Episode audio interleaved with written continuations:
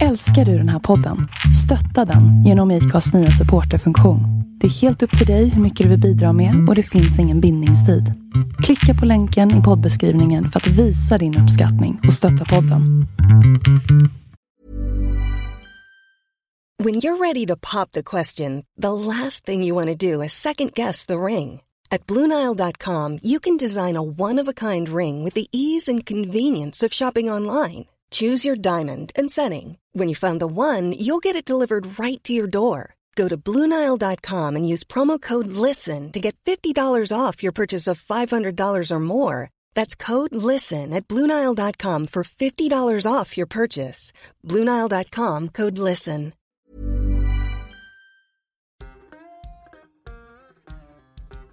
Vi måste prata presenteras den här veckan i samarbete med KBK Bikes vid Falu gruva. KBK står för Kör bara kör, drivs av Mika Snäll och du som går och köper en cykel där får ett helt fantastiskt erbjudande om du berättar för dem att du är där tack vare podden. Stort tack till KBK Bikes.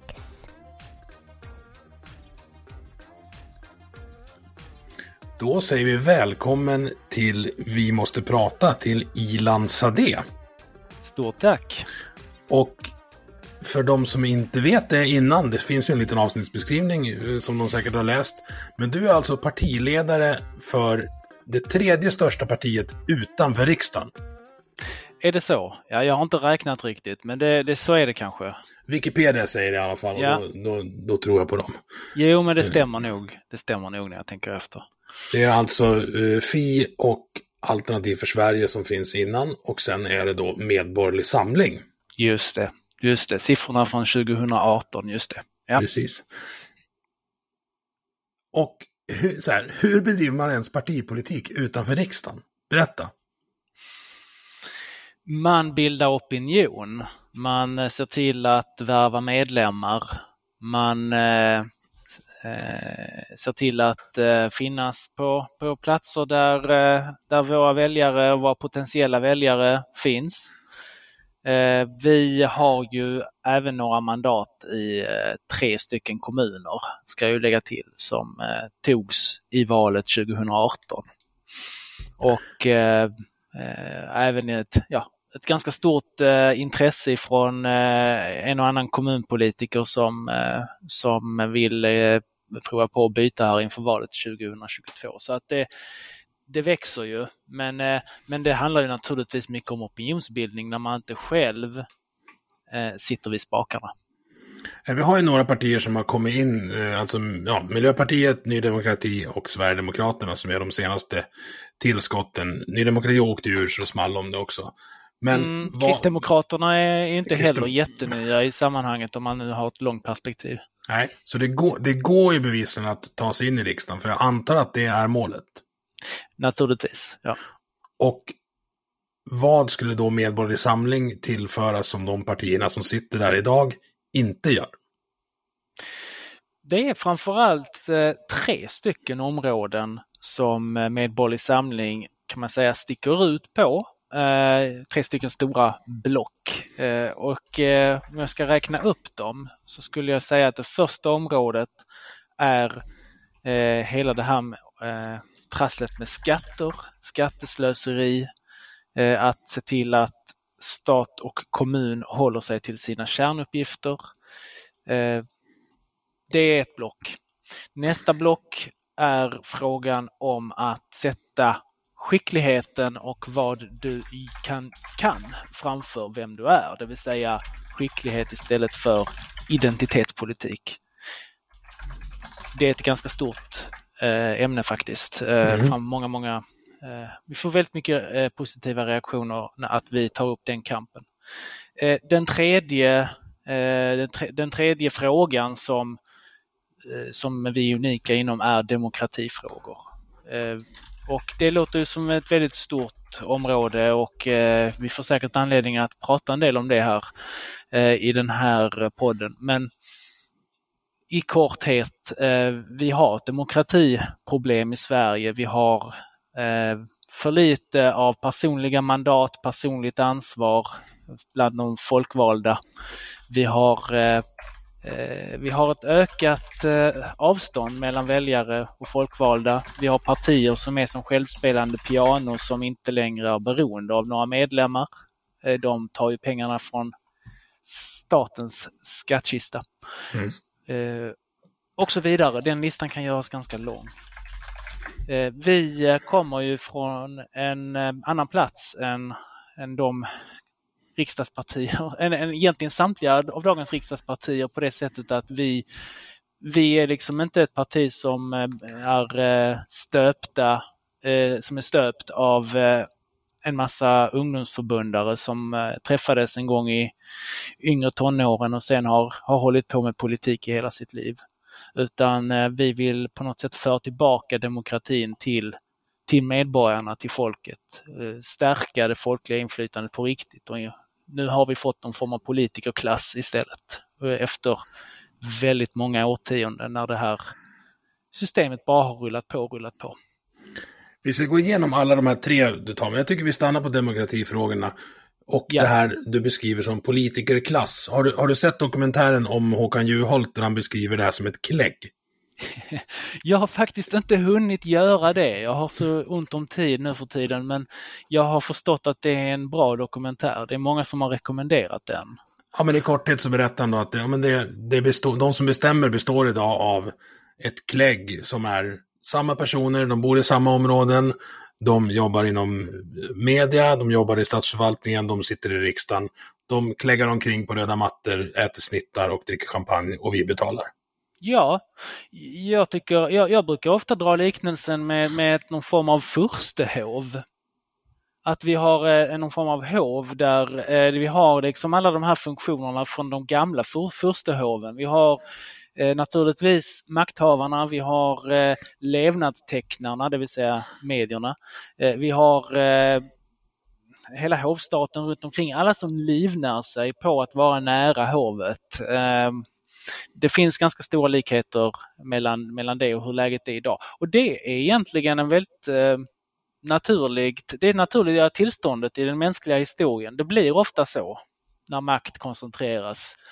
Det, den här folkliga demokratin och det folkliga deltagandet och, det, och den folkliga känslan av att, att man har en del i det gemensamma, det är ju faktiskt historiska undantag. Och de undantagen ska vi vara ganska rädda om menar jag därför att det har visat sig att eh, stater eh, som, eh, som har mycket av det också brukar bli väldigt framgångsrika. Mm. Men det stämmer, det, det, är en, en, det är ett klägg eller en, form av, av, av klass som växer fram som eh, går in i, i politiken när de är unga i ungdomsförbunden som sedan kan då bli politiska sekreterare och tjänstemän så småningom kanske man kan göra, göra någon form av karriär i kommunen. Eh, andra går direkt till riksdagen. Eh, när man eh, blir bortvald ifrån något riksdagsmandat så kan man alltid kanske gå in i olika sidoorganisationer. Där är det lite olika. Socialdemokraterna har ju allt ifrån fackföreningarna till Hyresgästföreningen till Folkets hus. De har ju liksom en, en litet, eh, ett litet ekosystem där som livnär sig av våra skattepengar. Eh, där man kan eh, hoppa hoppa in om man, om man nu eh, blir eh, bortvald till exempel från något mandat eller vill ta en paus. En, och på en timeout? Och, och, timeout, ja. Timeout brukar de ta, ja. Just det.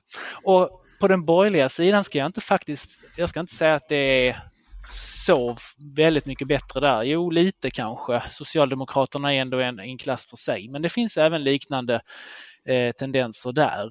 Det är bara det att eh, där är det kanske vanligare att man går in i den här PR-branschen som är så stor i, i vår huvudstad. Eh, visst, det, det, kan ju anses vara näringsliv, men det är ju samtidigt så att det är ju, det är ju tjänst, vem är det som efterfrågar de tjänsterna? Jo, det är ju ofta de gamla politiska kompisarna. Det är partierna själva, det är offentlig sektor, eh, det är det man brukar kalla för svågerkapitalism ibland. Eh, det, det, det, där finns ett, ett, liksom ett klägg Eh, där också. Eh, som kanske utifrån sett på en ytlig anblick ser väldigt, eh, eh, ser, ser lite mer näringslivsmässigt ut. Men, men det är samma sak där fast, eh, fast lite, anna, lite annat eh, utseende på det hela.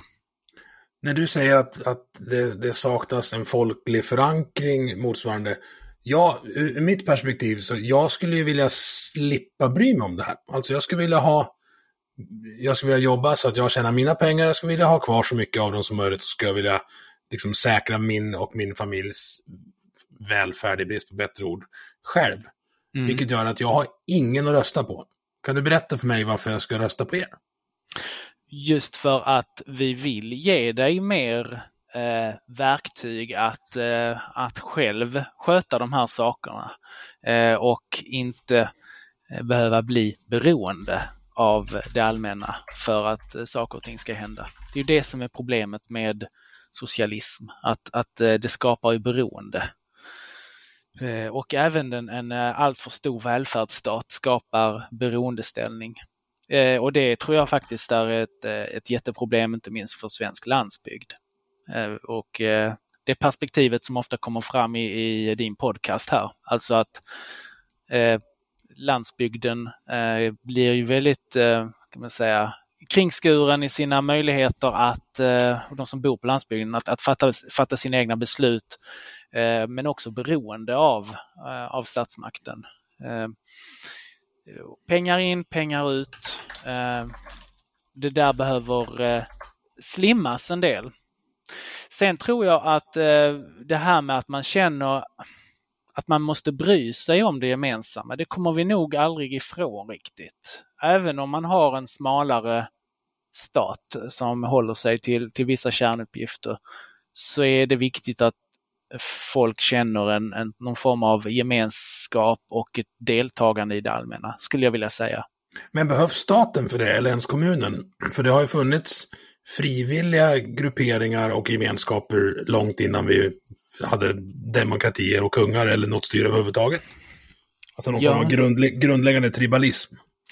Ja, vi är ju eh, stam, eh, vi är liksom ett, ett, ett flockdjur som, som har organiserat sig i stammar en gång i tiden.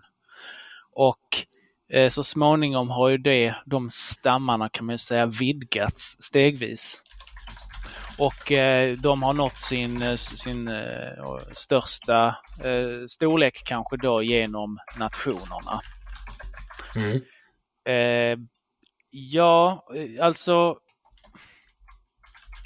ja, när styret och den här folkgemenskapen som känner att man har liksom någonting gemensamt och ett gemensamt öde så att säga och eh, ett viss tillit till varandra.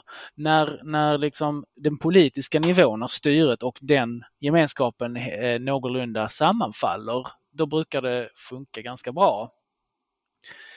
Ehm, eh, jag, jag tror inte att vi kanske ska gå tillbaka till något slags tribalistiskt samhälle där eh, det, ja, det, alltså det, det, är ju inne mer på de här lite anarkistiska tankegångarna då kanske. Ja, alltså jag tror snarare så här att man, man bryr sig mer om en gemenskap man själv har valt att gå med i än en som påtvingas dig med vapenmakt. Jo, naturligtvis. Eh, det, det är ju, men du bryr dig om den du känner att du har någon form av eh, ska vi säga, det som man talar om, eh, det som man kallar identitet, alltså att du har en, någonting gemensamt även om du inte någonsin har träffat personen i fråga eller känner personen i fråga. Ursprunget var ju att vi faktiskt, vi människor kände dem vi, vi var solidariska med. Vi kände till dem i alla fall. Då var det ju i det, i det här lilla stamsamhället eller flocksamhället då. Mm. Eh, men eh, så småningom så har ju, har ju då nationerna då till slut också då, nationalismen är ju någon form av, av eh, idé att, att du har en gemens, du har någonting gemensamt med personer som du aldrig någonsin har träffat. Eh, och, eh, och, du, och de känner samma sak i, i förhållande till dig. Ni delar Eh, Eh, några e-, gemensamma erfarenheter, eh, gemensamma kunskaper, ett gemen, eh, många gånger också ett gemensamt språk. I alla fall i, i huvudsak. Och det har ju möjliggjort då att, att man har lite större enheter och kan ha ett demokratiskt system också inom ramen för, för, för de här lite större, större enheterna. Eh, så att alltså skulle man gå tillbaka till ett system att man man inte känner någon som helst solidaritet med ett större gemenskap utan bara egentligen med dem som man själv väljer.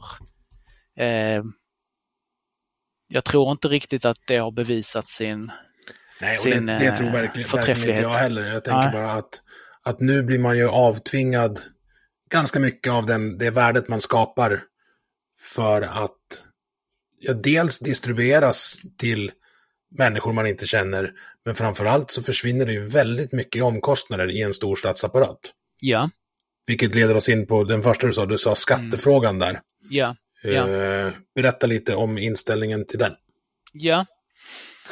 Uh, de hänger ihop faktiskt, alla de här tre blocken på, på olika sätt. Uh, men men när det gäller skattefrågan så så skulle jag ju säga att vi har också där ett, ett, eh, att det finns ett demokratiskt problem. Folk eh, gillar inte när eh, statskassan läcker till alla möjliga konstiga ändamål när grunduppgifterna inte fungerar som de ska. Vi vill att grunduppgifterna ska fungera som de ska och alla andra eh, ändamål kan hanteras eh, i det frivilliga civilsamhället istället. Och vilka är då grunduppgifterna enligt din syn att se på det? Eh, grunduppgifterna enligt mitt sätt att se på det, först och främst så behöver vi ju ha eh, säkerhet. Det betyder ju ett försvar och inre säkerhet i form av poliskår, rättsväsende. Eh, vidare behöver vi ha eh, infrastruktur som funkar.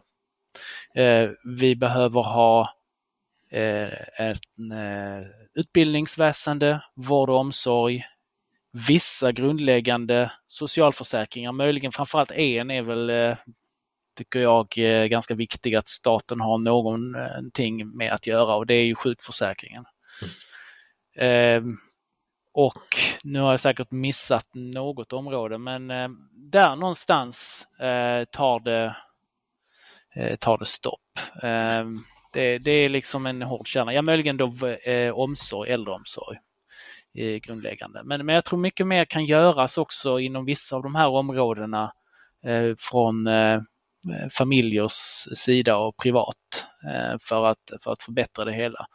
Eh, men, men i grund och botten, det först och främst så måste vi ju ha trygghet och säkerhet och där fallerar det ju nu. Ja, det skjuts rätt mycket just nu. Ja. Så att när inte det funkar, men man samtidigt slänger pengar på, på allt möjligt, det får ju folk att bli förbannade. Och då tänker folk, hur går det till att det blir på det här sättet? Varför, varför blir det så här egentligen?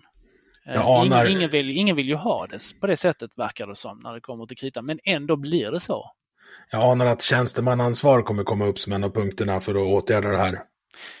Ja, eh, det är ju inte alena saliggörande på något sätt, men det är, det är väl en del i, i att få ett starkare personligt ansvar i, i styret av landet. Att, eh, att tjänstemän eh, som framförallt då tjänstemän på höga befattningar har en, ett, ett visst ansvar som är, innebär att, att det inte bara är tjänstefel som är liksom det enda som man riskerar. Det finns ju idag brottet tjänstefel då ju. Men det ska vara ganska grovt och Det ska vara väldigt grovt. Det är väldigt ovanligt att döms ut tjänstefel.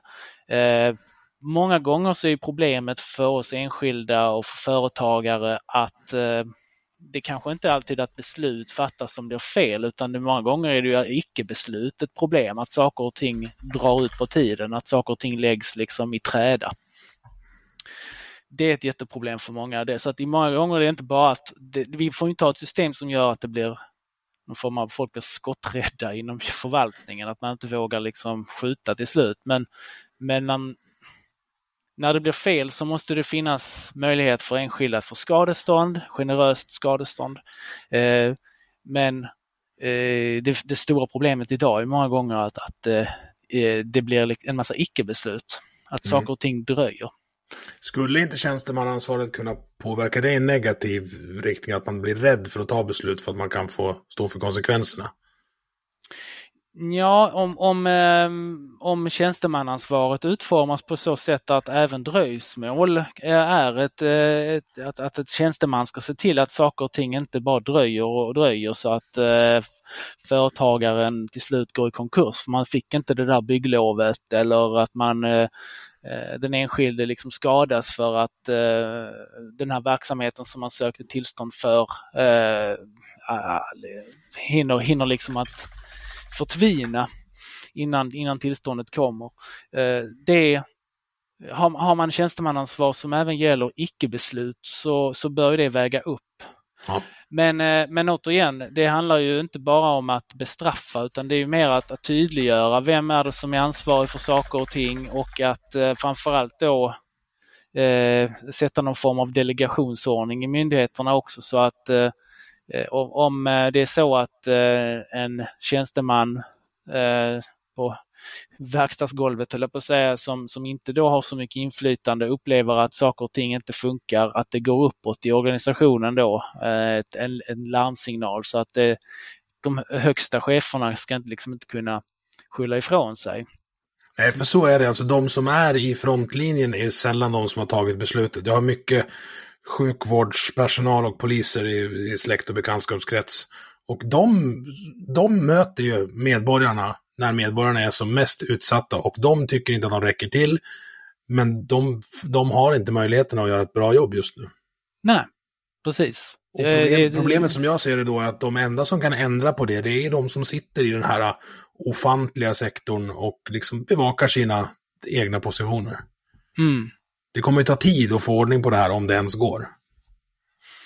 Mm, det, jag tror att det går, men, men, eh, men det, det, kan ta en lite tid. Eh, det finns eh, många kompetenta tjänstemän också i, i svensk förvaltning, det, det, är inte det. Men oh ja. här finns en hel del systemfel och, och att, det kan, att det viktiga med tjänstemannaansvaret som, när det väl kommer på plats bättre än, vad än det vi har idag som är nästan obefintligt, eh, det är ju att eh, är man hög chef så ska man liksom inte kunna skjuta ifrån sig ansvaret utan eh, framför, den är tjänstemannen så att säga på golvet måste kunna larma uppåt om mm. någonting inte funkar. Trappen ska städas uppifrån helt enkelt. Ja, Eh, sen kan det ju också drabba vanliga tjänstemän också. Det är inte så att en chef är ansvarig om det är någon vanlig tjänsteman som, gör, eh, som, som missköter sig och chefen eh, har gjort vad den kan. Men, men det, är ju, det gäller ju att eh, det, det jag menar är att om, om en, eh, en vanlig tjänsteman tycker att det här inte det är ohållbart, man, man, inte, man räcker inte till, det här tar för lång tid, eh, så, så behöver det lyftas uppåt och, eh, och då går ansvaret vidare uppåt också. Det du beskriver är hur det funkar i vilket företag som helst. Mm. Mm. Återrapportering uppåt, det, det är ju en, en helt, helt grundläggande. Funkar inte det så, så har ju inte ledningen någon kontakt längre med vad som händer. Är det då vi kommer in på skicklighet istället för identitet? Ja, möjligen. Berätta vad ni menar med det. Ja.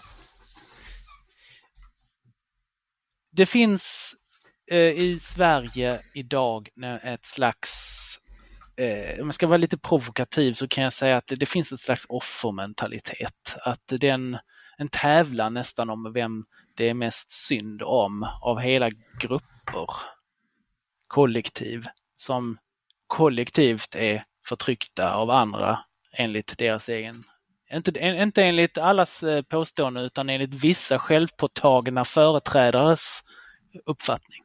Mm. Eh, den tävlingen är inte sund.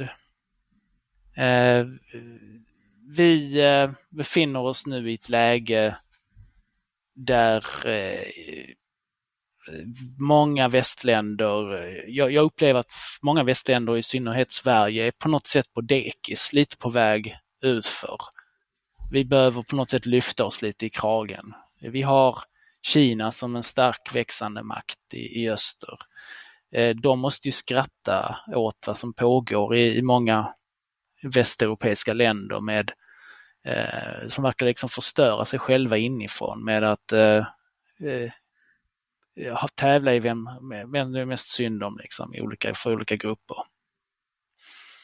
Eh, och ett problem här är då att om man börjar titta mer till vad, vem folk är och vad de har för personliga medfödda egenskaper än vad de är duktiga på och att rätt eh, kompetens kommer, kommer fram, då kommer ju till slut landet att prestera sämre.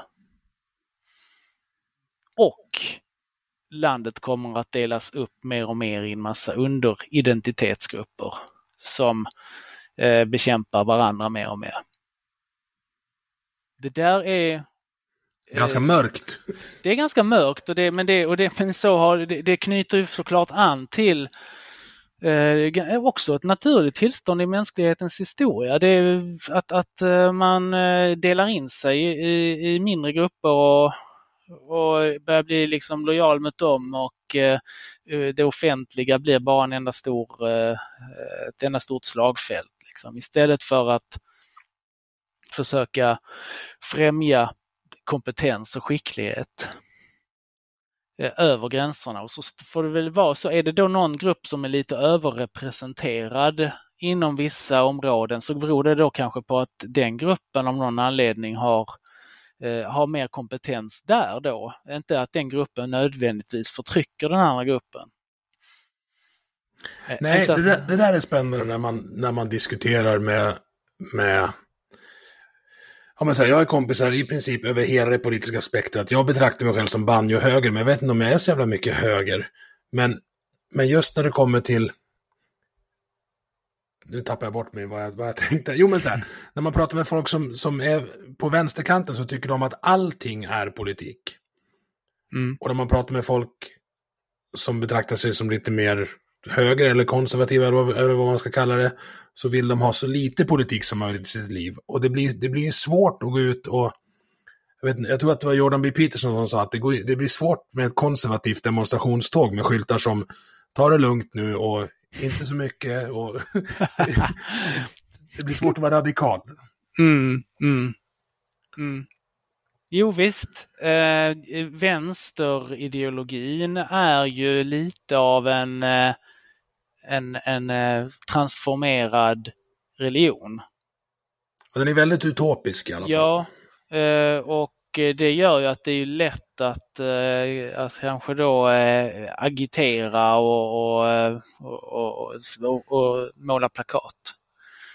Ehm, medan då högern knyter kanske mer an då framförallt den mindre, alltså det finns ju olika varianter kanske också av det som vi kallar höger men om vi ska kalla, se den lite mer förnuftskonservativa delen som är ändå ganska stor, så är väl den, den sidans syn eh, är ju att eh, ja, men, sådana här utopiska idéer är, slutar i stort sett aldrig bra. Låt oss, eh, som du sa där, ta det lite lugnt och bygga ett samhälle på på erfarenheter av hur människan funkar och på att vissa, en hel del seder och bruk kanske har, har sina syften. Att det, man kan inte riva allt på en gång. Man kan reformera men man kan inte, man kan inte kasta allt över ända. Nej, och sen är det ju så att människor är ju väldigt, väldigt olika. Även liksom inom ett så pass, i alla fall hyfsat homogent land som Sverige så finns det folk som tycker jätte diametralt olika. Och att och inget behöver ju vara rätt eller fel av dem. Mm. Och att då påtvinga någons synvinkel på den andra, att men nu måste du leva efter den här regelboken som jag har dragit upp. Det är, jag tror inte det är bra alltså. Nej, det är väldigt eh, totalitär eh, syn på saker och ting och jag tycker ju också att eh, det, det finns sådana starka totalitära drag i, i mycket av vänsterideologin, att man går in i det personliga som du var inne på där, allting blir politik.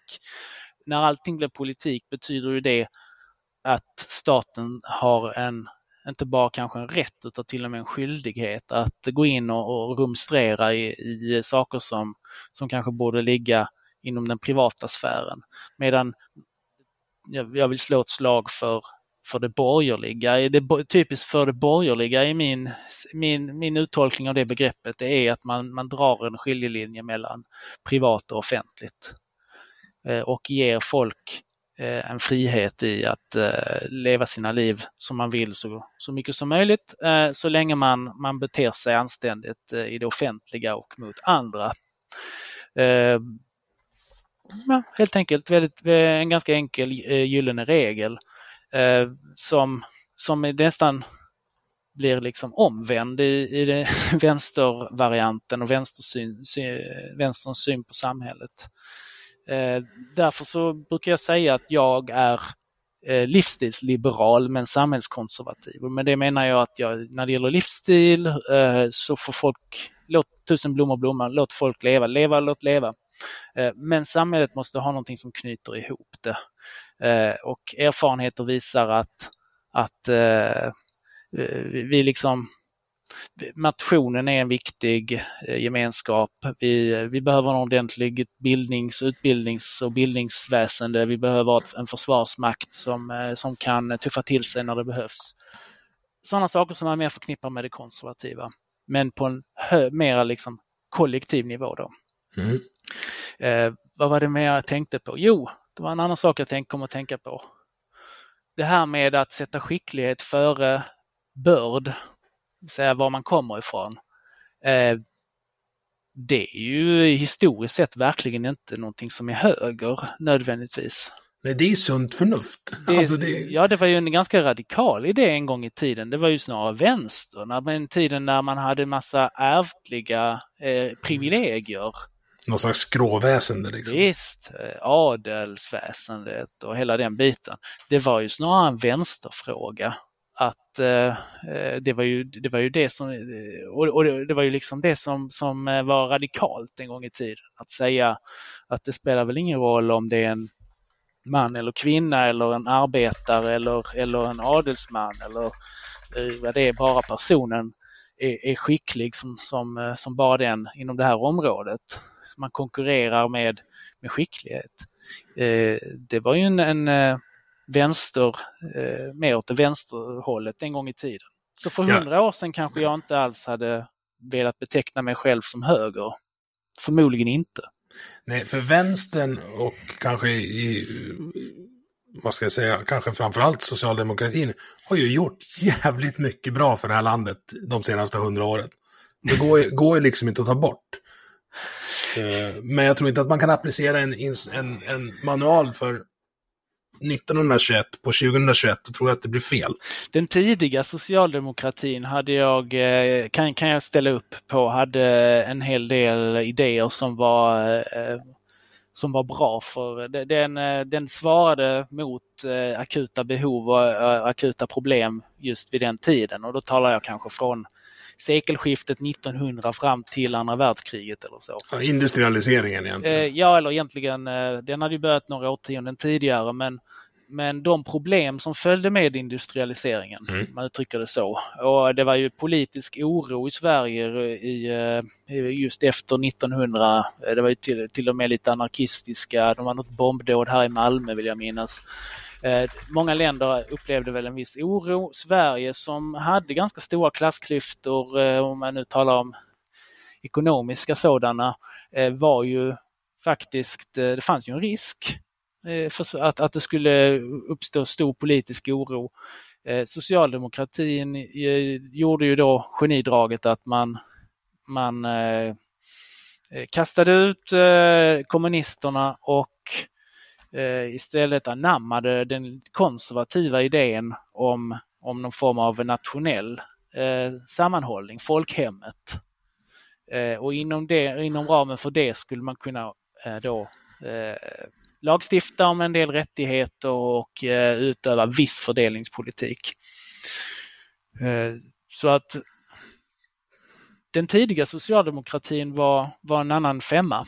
Men du, eh, sen hände det ju en del under efterkrigstiden. Du tar det där ordet fördelningspolitik i munnen med en viss ton av avsmak va? ja, det har väl en viss ton av avsmak, ja. Därför att eh, eh, vi vet ju alla att det har ballat ur. Men, men, eh, Fast vet alla det? Alltså jag, tyck, jag tycker som den här eh, 900 000 kronors My Little Pony-statyn i Malmö nu. Just det. Varför har ingen fått avgå på grund av den? Och för er som inte vet det då så var det i, i samband med Pride så la man nästan en miljon på en, en tillfällig staty. Ja, Och då är- jo, jag har då- poserat lite framför den på bild. Och Jaha. jag tänkte, ja, och det var, alltså grejen är att det, det här är 900 000. Det är, det är en, eh, en, eh, liten piss i Mississippi, eh, naturligtvis. Ja, det är ett par årslöner för en, för en Svensson. Men det är ett par årslöner för en undersköterska. Det är, eh, det är och en gång i tiden så fanns det en sosse som sa, ah, han var för övrigt härifrån Malmö, han sa ju att varje förslösad skattekrona är en stöld från folket. Och det är bara att skriva under på, rakt Ja. av. Ja. Och eh, samtidigt så vet jag att Malmö stad har sagt nej till ett annat konstverk som skulle kunna finansieras med hjälp av donationer som i mitt tycke är dessutom mycket snyggare. Eh, Mhm. ja. Låt höra. Ja, nej men det är en historia om att, eh, att eh, man skulle... Eh, eh, en konstnär här, eller en arkitekt är han faktiskt, som, eh, som gjorde en skulptur som skulle vara någon form av pandang till den lille havfru i, i Köpenhamn, alltså Lilla Sjöjungfrun. Ja, ett eko på andra sidan sundet. Ja, fast en manlig variant och eh, som sitter och tittar ut över havet eh, och det skulle vara en, en eh, gedigen staty i gjutet brons. Um, det enda som Malmö stad skulle behöva göra är att om de nu inte tycker att det här är allt för hemskt så skulle de med, medge en plats ge, låta den här statyn få, få vara någonstans längs kustlinjen här. Det finns ganska mycket kustlinje i Malmö så det borde inte vara något större problem. Men då kom svaret från Malmö stad att nej, man tycker att det finns man tycker att det finns för många manliga uttryck inom konsten i Malmö. Så därför säger man nej till detta. Men, eh, men en liten My Little Pony med, med eh, glittrande man, eh, det, det som, som Malmö stad betalar istället, det, det säger man ja och amen till. Det, Alltså, jag har det- två döttrar på fyra och sex, de älskar den där statyn. Ja, ja, det tror jag det. Där, där alla ungar älskar den. Eh, så att eh, jag, jag har... Det, men det är kanske inte så att vi, vi behöver ha skattemedel för att betala det.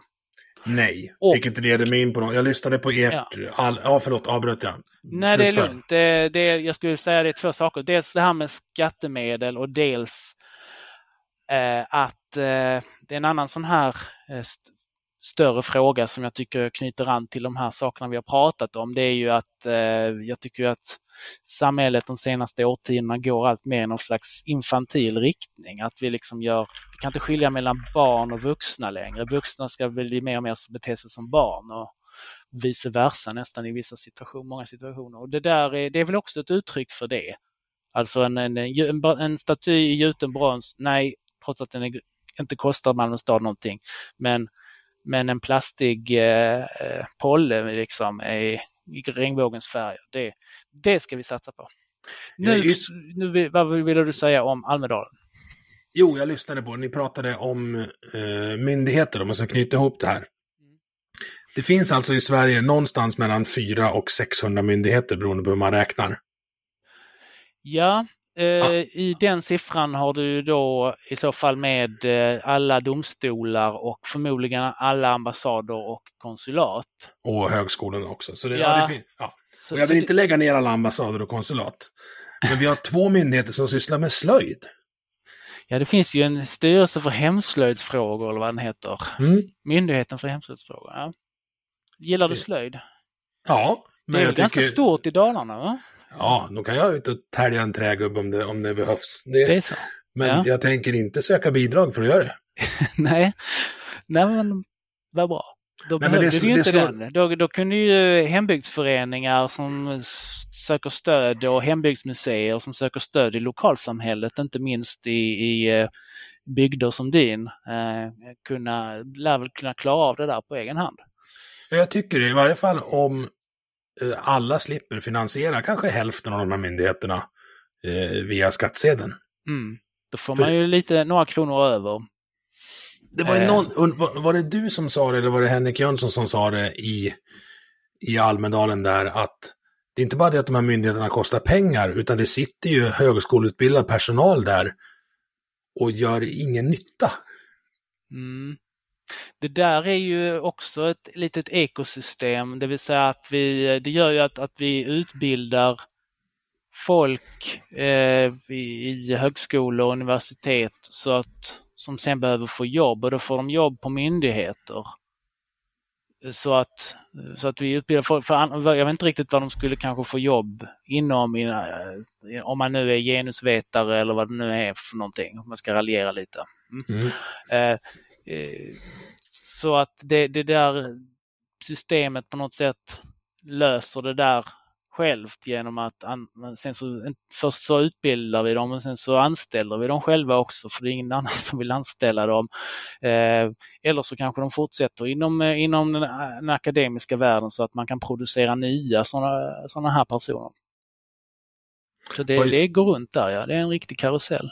Vad gör vi åt det då? Eller vad gör ni? Så här, ponera att ni får 51 procent i nästa val. Mm. Vad gör du? Eh, Vi hade tänkt att lägga ner eh, ungefär en fjärdedel av alla förvaltningsmyndigheter. Eh, Enligt det, vi- det, vi gjorde ett grundarbete inför valet 2018 där vi gick igenom varenda en och tittade på om, vi, om det är en myndighet som är nödvändig när vi tillämpar våra kriterier på det hela.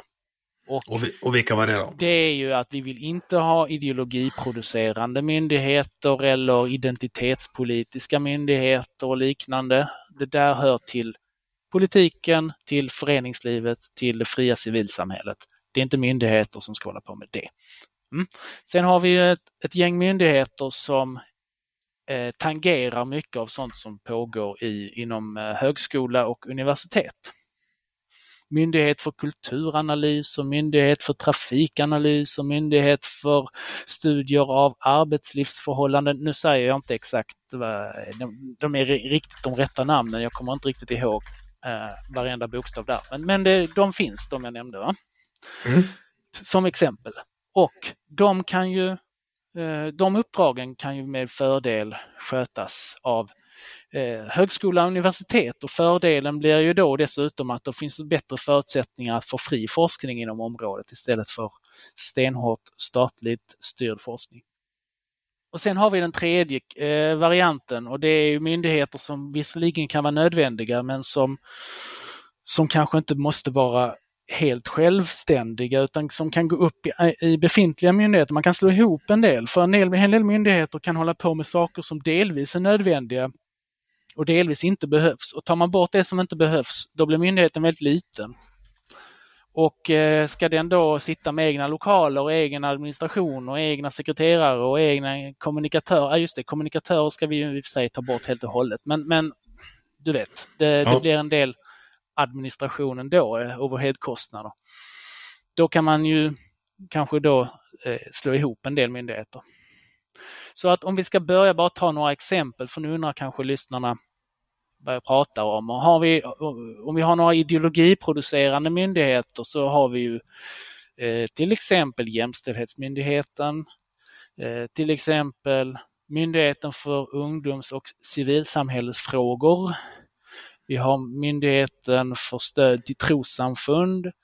Eh, de där myndigheterna, de två sistnämnda, är ju myndigheter som kanske inte har jättelika kanslier som producerar ideologi, men de, de skänker pengar till, våra pengar alltså, till eh, organisationer som gör det jobbet.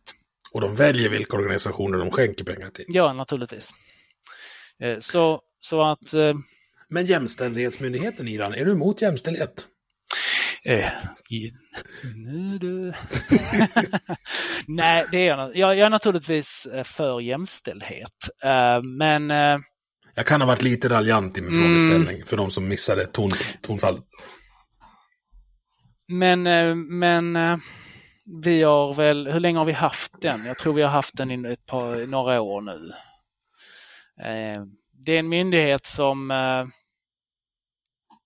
ägnar sig åt att främja en viss politisk uppfattning om vad jämställdhet är. Jämställdhet i min värld är just det vi pratade om för tio minuter sedan, att skicklighet går före vem man är. I alla jäm... lägen. Eh, när det gäller eh, offentliga befattningar och även inom näringslivet är det en väldigt god idé att eh, ta folk som är bra på vad de håller på med. Eh, det är liksom en grundbult. Eh, medan de här intersektionella perspektiven som ju genomsyrar Jämställdhetsmyndigheten till exempel. Och mycket av vår statsförvaltning i övrigt eftersom identitetspolitiken har ett sådant grepp om den. Där menar man väl att olika utfall mellan män och kvinnor till exempel i vad man väljer för yrke, vad man har för eh, intressen och så vidare. Det, att det är någonting som är, är beror på eh, rangordning, på förtryck, på normer som behöver bekämpas på olika sätt.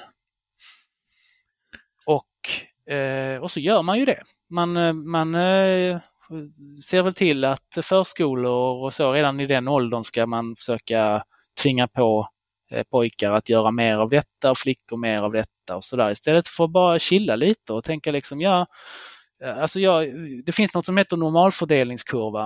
Mm. Ja, de flesta, man kan hålla två bollar i luften samtidigt. De flesta pojkar tycker väl att det är roligare att slåss med pinnar än att leka med dockor.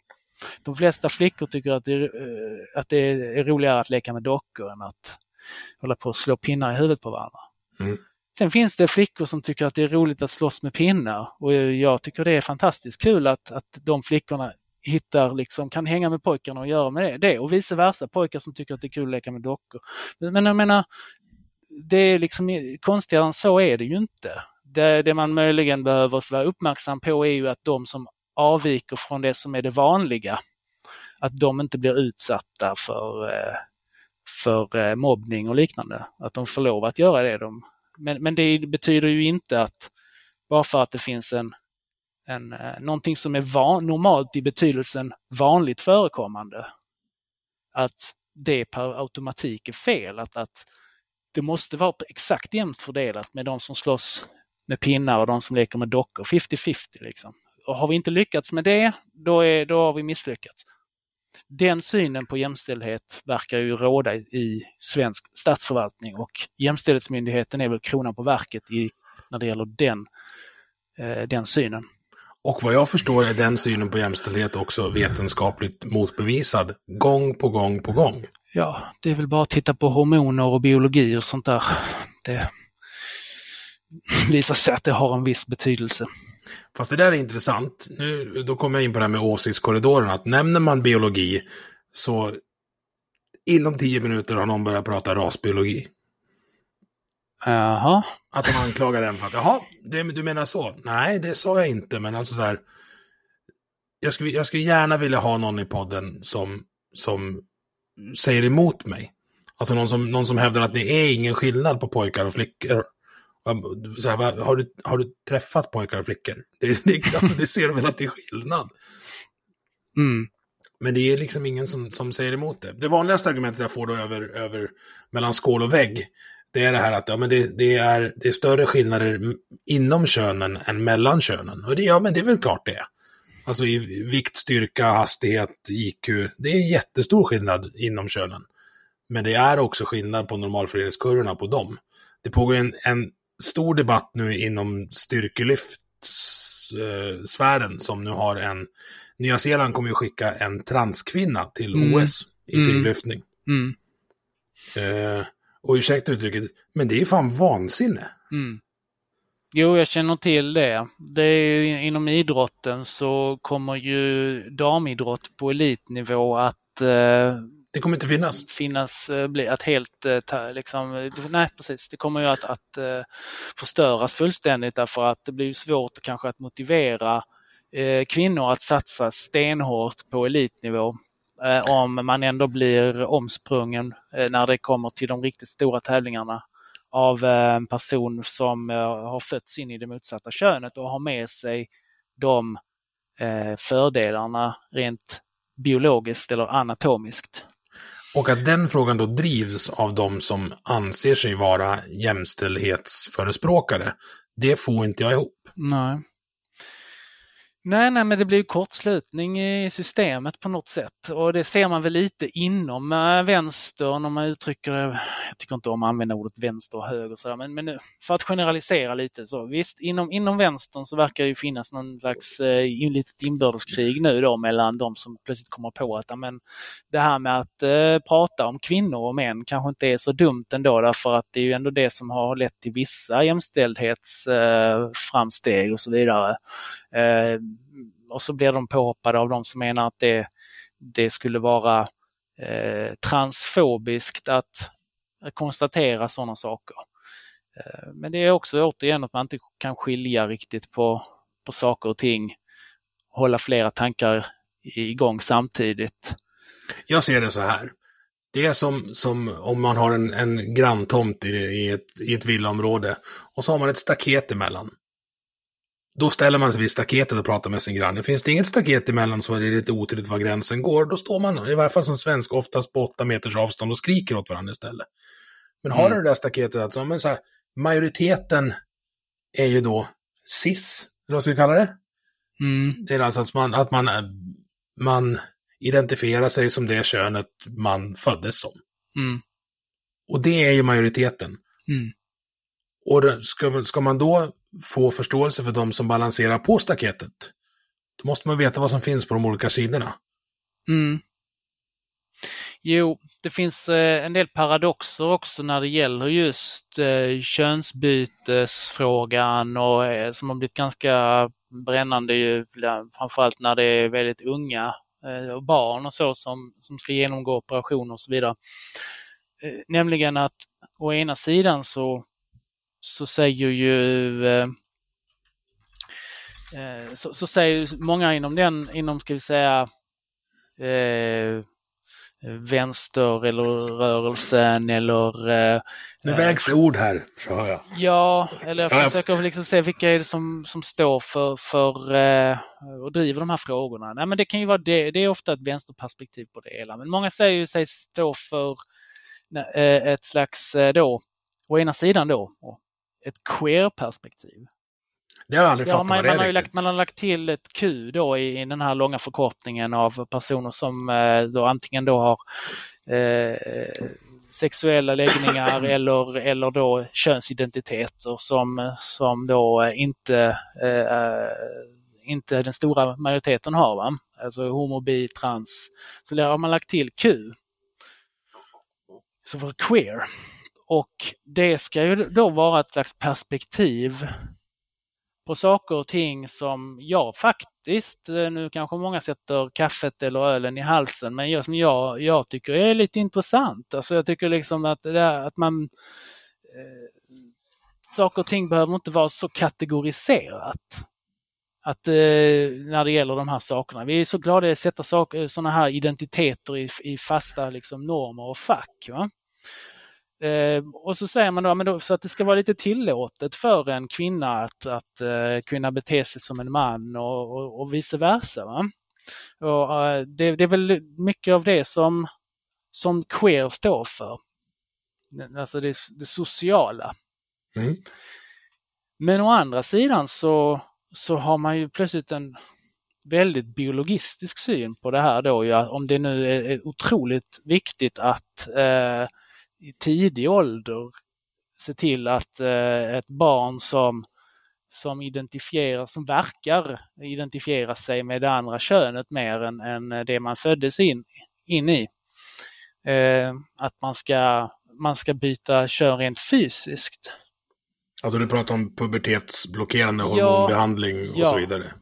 Uh, det, jag, får, jag har lite svårt att få ihop det för att det, jag tycker det strider lite mot varandra det där. Det ena, plötsligt så blir ju biologin jätteviktig. Ja, och det blir ju återigen, jag hamnar in i den här, kan det vara någon slags pastisch av hur, hur motståndet ser ut till det här, eller motståndet till, till min syn på det hela, är att det är samma människor. Så här, mm. det, kön finns inte, men nu måste jag byta. ja, där har du ju det jag försökte säga lite krångligare väg. Du, du fångade det väldigt bra. Det finns inte men, men jag måste ju byta. Um, och det du pratar om det här med, med queer alltså. Gör vad fan du vill. Alltså, jag, mm. jag, jag, jag, kunde inte bry mig mindre. Det, det, är därför jag hamnar i det här, vad ska jag säga, när, man skriver att man är liberalkonservativ på Twitter så brukar man få så här, de går inte att kombinera. Bara, jo, det går jättebra. Så här. Jag tycker att du ska få göra precis vad du vill och jag tycker att jag ska slippa betala mm. för det. Klart. Mm. mm. Jo, ja, men det är klart att det går att kombinera det, därför att eh, världen är inte, de som säger det har ju inte förstått att eh, eh, man behöver olika perspektiv på saker och ting. Vi, vi har en verklighet, vi har en historia, vi har, eh Eh, vi, vi, har liksom en, en, mänsklighet här på jorden och vilken, vilken typ av idéer, de här två, de här två idéströmningarna kompletterar varandra eh, på ett väldigt bra sätt. Eh, så att det, det att, att, att, sitta och säga liksom att ja, nej, men liberalismen har ju vissa principer här och konservatismen har vissa och, och de krockar. Ja, men det, det kanske de gör, men då balanserar ju de varandra. Det handlar om att skapa en form av balans. Och de kan ju appliceras på olika delar av samhället. Och appliceras olika och jag, och det låter lite som du också då kanske, har, en, har kanske någon grundsyn om att eh, jag kan vara väldigt liberal när det gäller liksom vad folk ska få göra i sitt privatliv, men jag kan ha en konservativ syn på mänskligheten i stort och lite så här eh, och hur staten ska fungera. Eh, medan det finns lite de som kanske mer åt det värdekonservativa hållet och det som Kristdemokraterna delvis står för och kanske stod för ännu mer tidigare. Eh, att man är mer så att säga konservativ i livsstilsfrågor och så vidare. Eh, det finns olika blandningar, olika varianter. Men så är det ju när, när det, är en, det är en ganska stor idéströmning. Men är det inte det som är, det som är spännande med livet, att folk är olika? Tänk om alla var likadana. Fy fan vad tråkigt. Mm Ja. Och men om det dyker upp en, en skäggig kille i kjol och läppstift på krogen, ja men jaha, okej. Okay. Ja, det var, det, jag skulle nog gå fram och prata till, jaha, vad håller du på med då? Mm. Eller kanske inte så konfrontativt. du, förstår, du förstår vad jag menar, att ja, det skulle, det, man, jag är intresserad av olikheter. Mm.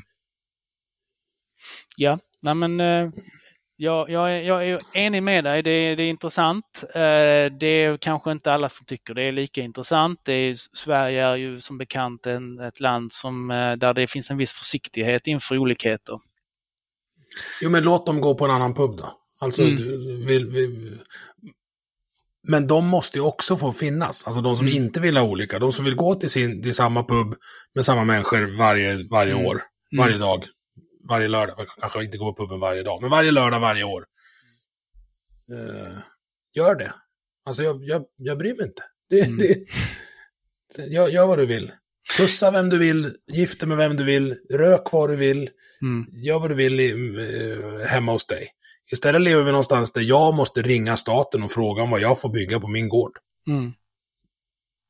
Jo, ett... Uh ett fritt samhälle brukar eh, klara av att, att lösa de där sakerna hyfsat eh, ändå. Även om det kanske inte från statens sida alltid är eh, att, att all, alla de här undergrupper och subkulturerna har, har det stödet eh, som Eh, som eh, de behöver. Här, här, i Sverige tror vi lite tror jag, för mycket på att ja, men det, om inte staten erkänner och gör det till någon form av nationell eh, politik och håller på, ja nu kommer det här med politiken in i bilden igen då. Va? Eh, och, och, eh, staten ordnar och flaggar regnbågsflaggor hela tiden överallt dygnet runt och allt vad det nu kan vara. Om inte, om inte vi gör det då kommer liksom det bli fascism imorgon. Eh, men det är inte riktigt så det är. Eh, det finns länder som jag kan ju ett, det är mitt landet där jag är född, Israel. Va? Eh, där, som är ett väldigt paradoxalt land på många sätt därför att du, där du kanske du har en statlig, på statlig nivå så kan det vara ganska eh, svårt och även för vanligt sekulärt folk liksom. Eh, men det är ändå en, en, eh, väldigt sprudlande kultur inom det sekulära området. Det är väldigt tolerant eh, när det gäller homosexuella och så men, men det är lite som USA, samma sak där. Du, du har liksom alla möjliga varianter inom ett och samma land. Skillnaden mellan Israel och USA är ju att Israel är Eh, en liten plätt, landplätt på jorden där alla liksom hela tiden eh, konf konfronteras och frotteras med varandra. Så det slår ju lite mer gnistor kanske. Men, men i USA har man ju liksom, ja det, finns mormoner som bor på ett ställe liksom i Utah eller vad det nu är. Eh, och kör sitt där. Och du har Amish på något ställe och, i, och sen så har vi liksom hela stadsdelar i Florida där det är bara massa eh, gays utan, utan tröjor som åker rullskridskor hela dagarna. Alltså det är liksom, allting finns. Mm. Och på, på federal nivå i USA så, så kan det ändå, jag menar, där finns ju nog först ju en debatt många gånger och drivs en politik som många svenskar uppfattar som väldigt så här konservativ och eh, liksom eh, Eh, inte helt enligt vår värdegrund om jag uttrycker det så. Eh, men abortfrågan är stor i USA och där finns en hel del kristen höger och så här som eh, kanske uttrycker sig rätt plumpt eh, när det gäller eh, sexuella minoriteters rättigheter. Och så där. Eh, men hör och häpna, det, det funkar ju ändå många gånger i lokalsamhället där därför att den federala nivån eller politikerna har inte riktigt den, den kontrollen över människor. Så lärdomen är ju liksom att det funkar, sådana här saker brukar ändå lösa sig i, i uh, fria samhällen. Sen tragedin med USA just nu är ju att det verkar som att det infekteras mer och mer av de här extrema identitetspolitiska uh, idéerna, tyvärr. För er som vill prata mer eller lyssna mer på USA kan jag rekommendera avsnitt 12 med Peter Sibner som bor i, just nere i Florida där. Det var intressant att höra hans mm. syn på det hela. Eh, så här, jag kan inte låta bli att prata media med dig. Hur tycker du media behandlar Medborgerlig Samling? Etablerade media behandlar väl oss med, eh, med stor tystnad framför allt. Jag hör ja, ju många kommentarer om att ah, men ni måste synas mer, ni måste synas mer. Jo, jo då, det, det måste vi. Men vi, vi jobbar ju systematiskt, ser till att bli fler, försöker bygga, bygga organisation och folkrörelse så kommer det i sinom tid. Eh, men det är väl framförallt eh, tystnad som, eh, som är den vanliga reaktionen.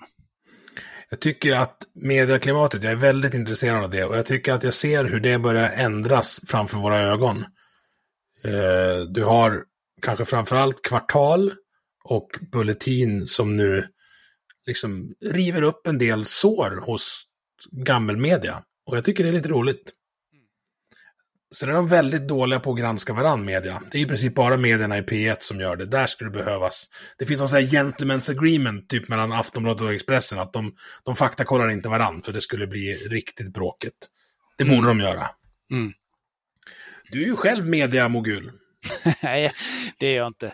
Eh, jag har 15 procent eh, av aktierna i ett bolag då som, eh, som äger nyheter idag den resan skulle jag vilja att vi touchar lite. Jag har ju försökt få med eh, Chang här. Eh, mm. Du, du kanske kan voucha för mig efter det, om jag behandlar dig bra sista halvtimmen här.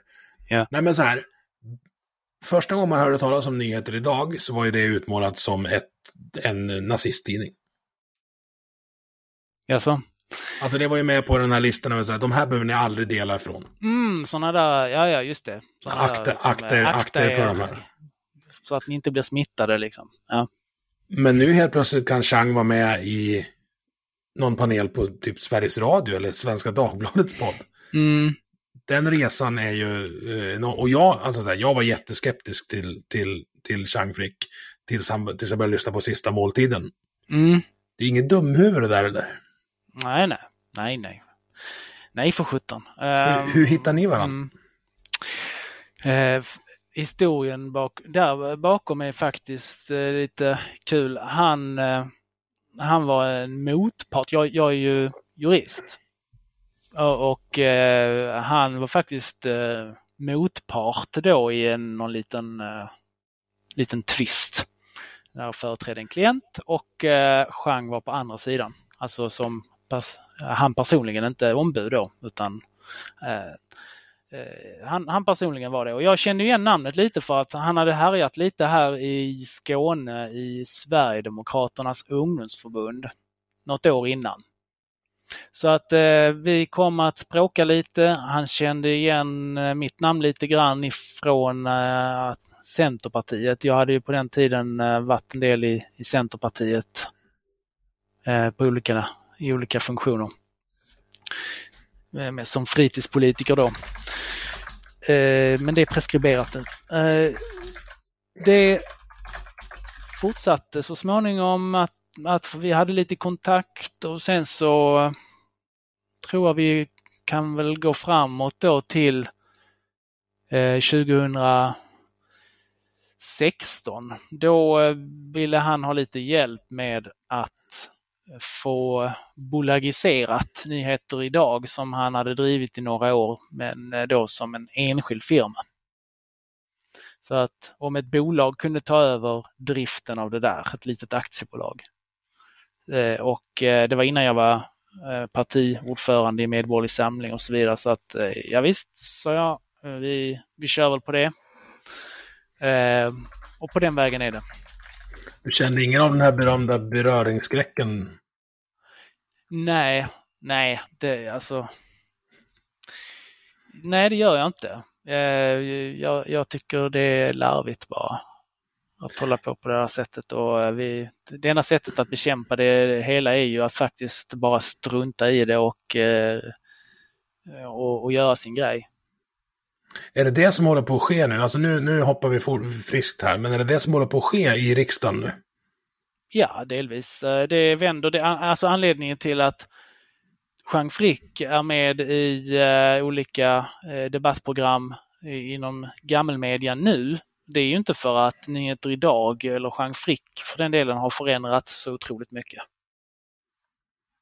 Det är omvärlden som har förändrats. Mm. Det här berömda sillstimmet har vänt och eh, plötsligt så blir det som tidigare var, var eh, eh kätteri eh, är plötsligt eh, helt i sin ordning. Va? Hur går det till när det där vänder? Aron Flam pratade om det när han var med också, att Sverige är som en stor oljetanker som sakta byter riktning. Och sen när den är på väg åt andra hållet så säger de som styr att nej men vi har alltid varit på väg hit. Mm. Mm. Det är jättekonstigt. Alltså hur går det till? en enkel fråga va? Ja, hur det går till. Vi... Eh, Sverige är en samförståndskultur som bekant. Eh, väldigt mycket så. Det, det är ju ett, eh, jag tror det i grunden handlar om att eh, det är Sverige historiskt har byggts upp av bönder i småbyar. Mm. Det, vi har haft en fri allmoge, liksom. vi har, bondeståndet har haft ett, ett, ganska stort inflytande i Sverige. Och, men paradoxen blir ju då att, att det kanske blir lite rätt mycket så här Eh, den delen från bondekulturen eh, att man ska försöka undvika att vara den här kverulanten. Den här, eh, det finns till och med ett svenskt ord som jag tror inte, inte tror finns i något annat språk. Vi säger rättshaverist.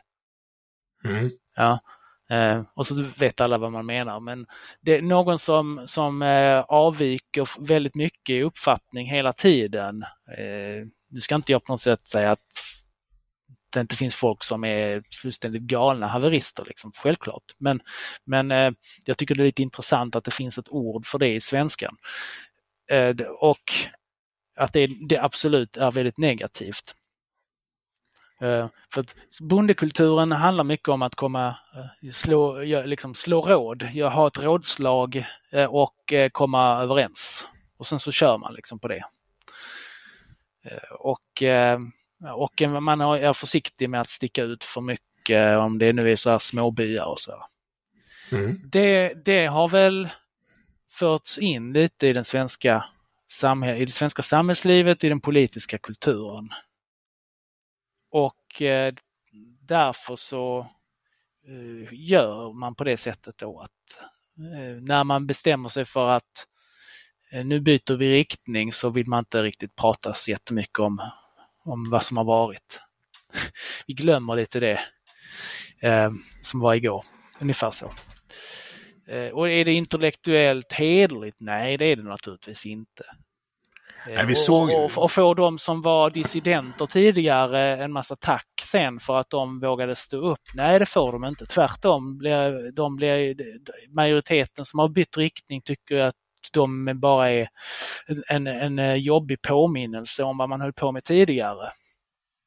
Så då, man får, det, det, det, är inte särskilt tacksamt att eh, Eh, stå ut lite när, när eh, hela flocken eh, tycker någonting annat men det är uppenbart att flocken har fel. Sen hela flocken, det är också en sak som jag vill ändå betona att jag vill, alltså hela flocken, nu pratar vi om ett slags politiskt etablissemang. Inte vad folk säger, vad folk tycker i Sverige generellt. Eh, jag menar om vi tar en brännande fråga nu här med, invandringspolitik. Enligt SOM-institutets mätningar och man går långt tid tillbaka så är ju det en fråga där folk, eh, folket och politikerna under väldigt lång tid har haft eh, en, en signifikant, eh, signifikant olika uppfattningar om vi nu tar och generaliserar lite. Mm. Folk har generellt tyckt att man bör strama åt en del. Det betyder inte att få, och det, det har inte haft rasistiska skäl utan det har haft just de skälen som eh, politikerna nu pratar om. Det, det, vi måste liksom lugna ner oss lite här va. Men de som har salufört det har ju blivit rasiststämplade ja, ja. rejält. Jag antar att du har åkt på det några gånger också? Ja men naturligtvis. naturligtvis. Det, det, ibland, eh, ibland har jag varit att det är samma dag så, så har jag kunnat eh, bli stämplad som, som, som brun och som globalist. Liksom. Mm. Då tänker jag att den dagen gjorde jag nog någonting rätt i alla fall. ja, det, det, var en liten anekdot. Men, men naturligtvis, använd, de, de här begreppen används ju för att på något sätt i ökad desperation för att tysta ner diskussionen och, och kanske också för att den egna världsbilden, det är alltid lite, lite jobbigt när den egna världsbilden inte riktigt stämmer överens med verkligheten längre. Och att, att justera den världsbilden är, är jobbigt. Framförallt om man inte kan göra den sådär långsamt med oljetanken utan om den måste, mm. om man måste dra handbromsen. Mm. Och då blir det någon slags eh, så här dubbeltänk eller vad man kallar det i den här George Orwells 1984. Att man, mm. man kommer med, med konstiga, o, helt oförenliga eh, budskap. Som att socialdemokratin till exempel kan eh, stoltsera med att eh, efter att de tog över regeringsmakten så har eh, den stora vågen av asylinvandring minskat en del. Inte, absolut, den är fortfarande hög, eh, invandringen, men, men den har ju, men det, det, är bara att titta på data. Det var, den pikade väl någonstans där eh, 15 och sen så har den, eh, har den stegvis gått ner. Och att man nu då i debatten kan ta fram det som någonting positivt. Men om sen Ulf Kristersson säger att eh, den politik som har förts inom invandringsområdet har inneburit att invandringen har blivit en belastning. Eh, då, då blir det ett jävla liv. Men, men det, det, ni tycker ju själva det eftersom ni stoltserade med nyligen att, att ni, ni har fått lite ni, mer ordning på torpet, påstår ni själva.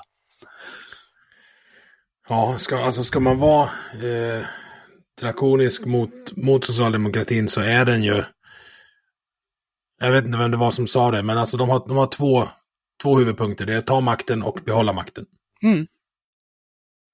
Och de är ganska skickliga på det. Eller mycket skickliga på, det. det. Jag ska ta bort, även om de kanske har tappat lite stinget. Men jag menar nu det senaste som har varit, vis, att nu är, nu är de åter i regeringsställning. Och det bygger ju mycket på deras förmåga att söndra och härska.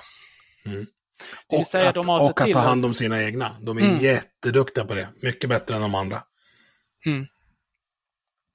De märker, förmodligen märker väl de att så länge Centerpartiet eh, håller på som de gör så, så kan Socialdemokraterna fortsätta att styra och Centerpartisterna i den nuvarande ledningen av det partiet verkar vara väldigt känsliga för den här typen av av extrema överdrifter och moraliserande eh, uttalanden och hänvisningar till 30-talet och allt vad det nu är eh, som, eh, som försiggår i den här konstiga debatten som har väldigt lite med verkligheten att göra. Och därför kör sossarna all in på det. Mm. För de märker ju att, eh, jag, jag, skulle gissa att de, de har dragit slutsatsen att, eh, att det, det på, ja, i alla fall för, för nu och även på sikt håller Annie Lööf eh, på deras planhalva. Du menar eh, mitt i den breda mitten?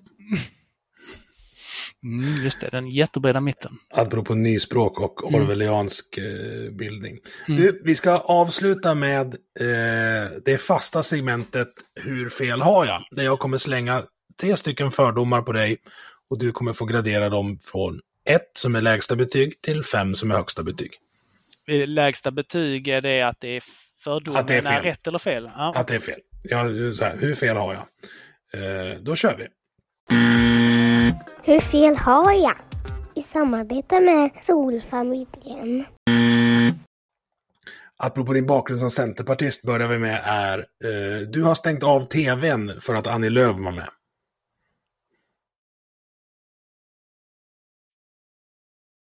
Jag har ju inte någon riktig tv Nej, sedan många år tillbaka.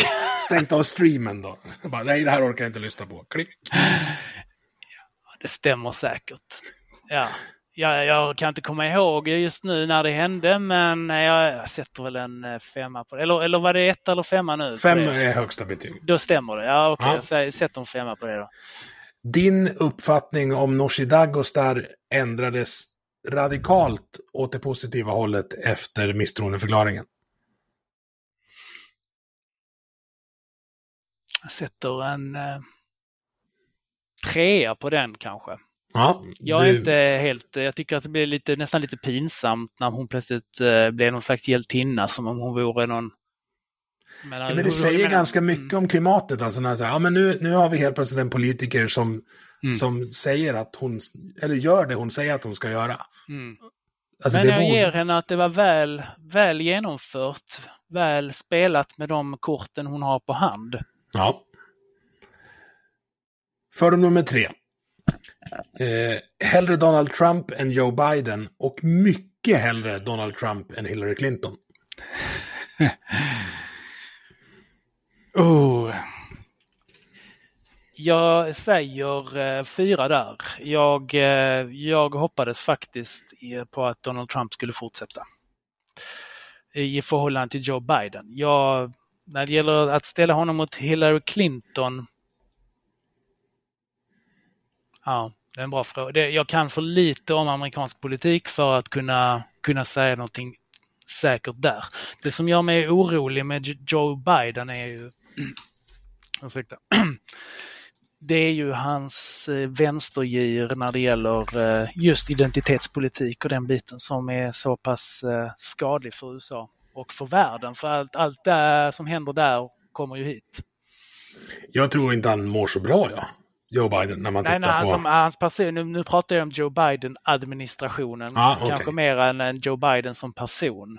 Han verkar vara på väg att stämpla ut, tänker jag. Alltså, ja, är... ja, och, och att kontrastera det mot då Trump-administrationen eh, mer än kanske bara prata om dessa två personer. För Trump är ju, har, ju, har ju inte alla hästar hemma heller. Nej, nej. Talat. Alltså det är, ju, det är ju fantastiskt att Demokraterna lyckas skaka fram kanske de två sämsta kandidaterna i partiets historia i två efter på varandra följande val mot den tokigaste jäveln i Republikanernas historia. Ja, ja. Det är väl ett fattigdomsbetyg om något. Ja. Mm. Du, det, jag har så mycket frågor kvar här till dig, men nu har vi dragit över. Eh, så jag ska tacka dig Ilan för att jag fick prata med dig. Mm. Kanske är lite närmare att rösta på er, men hisspitcha på slutet och förklara för mig varför en röst på er, framförallt i riksdagsvalet, inte är bortkastad när ni liksom inte ens har en, en tiondels procent. Berätta.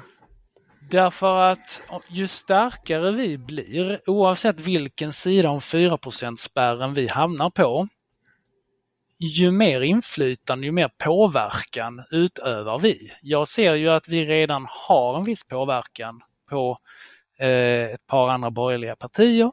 Eh, de kan tänkas försöka triangulera oss lite, det vill säga eh, anpassa sin politik en del efter våra frågor.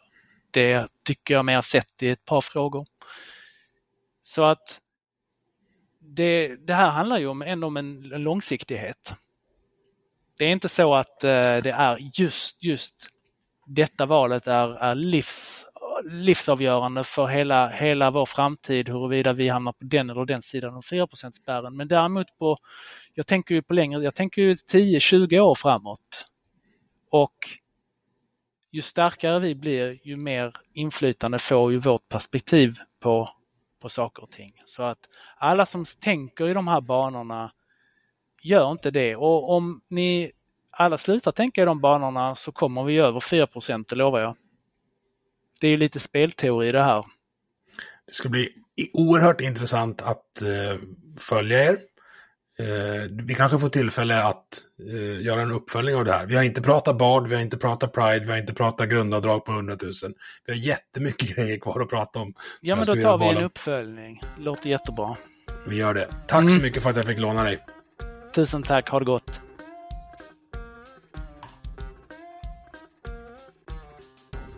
Du har lyssnat på Vi måste prata som produceras av mig, Emil Nilsson. Tycker du om det du hörde? Dela avsnittet med dina vänner och på sociala medier. Vill du stötta podden kan du göra det via Patreon där du hittar den på patreon.com snedstreck vi måste prata i ett ord.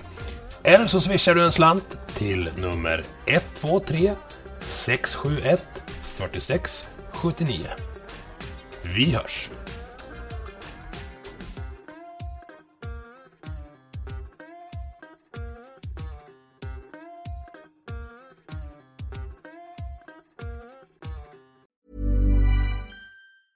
Planning for your next trip? Elevate your travel style with Quince. Quince has all the jet setting essentials you'll want for your next getaway, like European linen premium luggage options, buttery soft Italian leather bags, and so much more. And is all priced at 50 to 80% less than similar brands.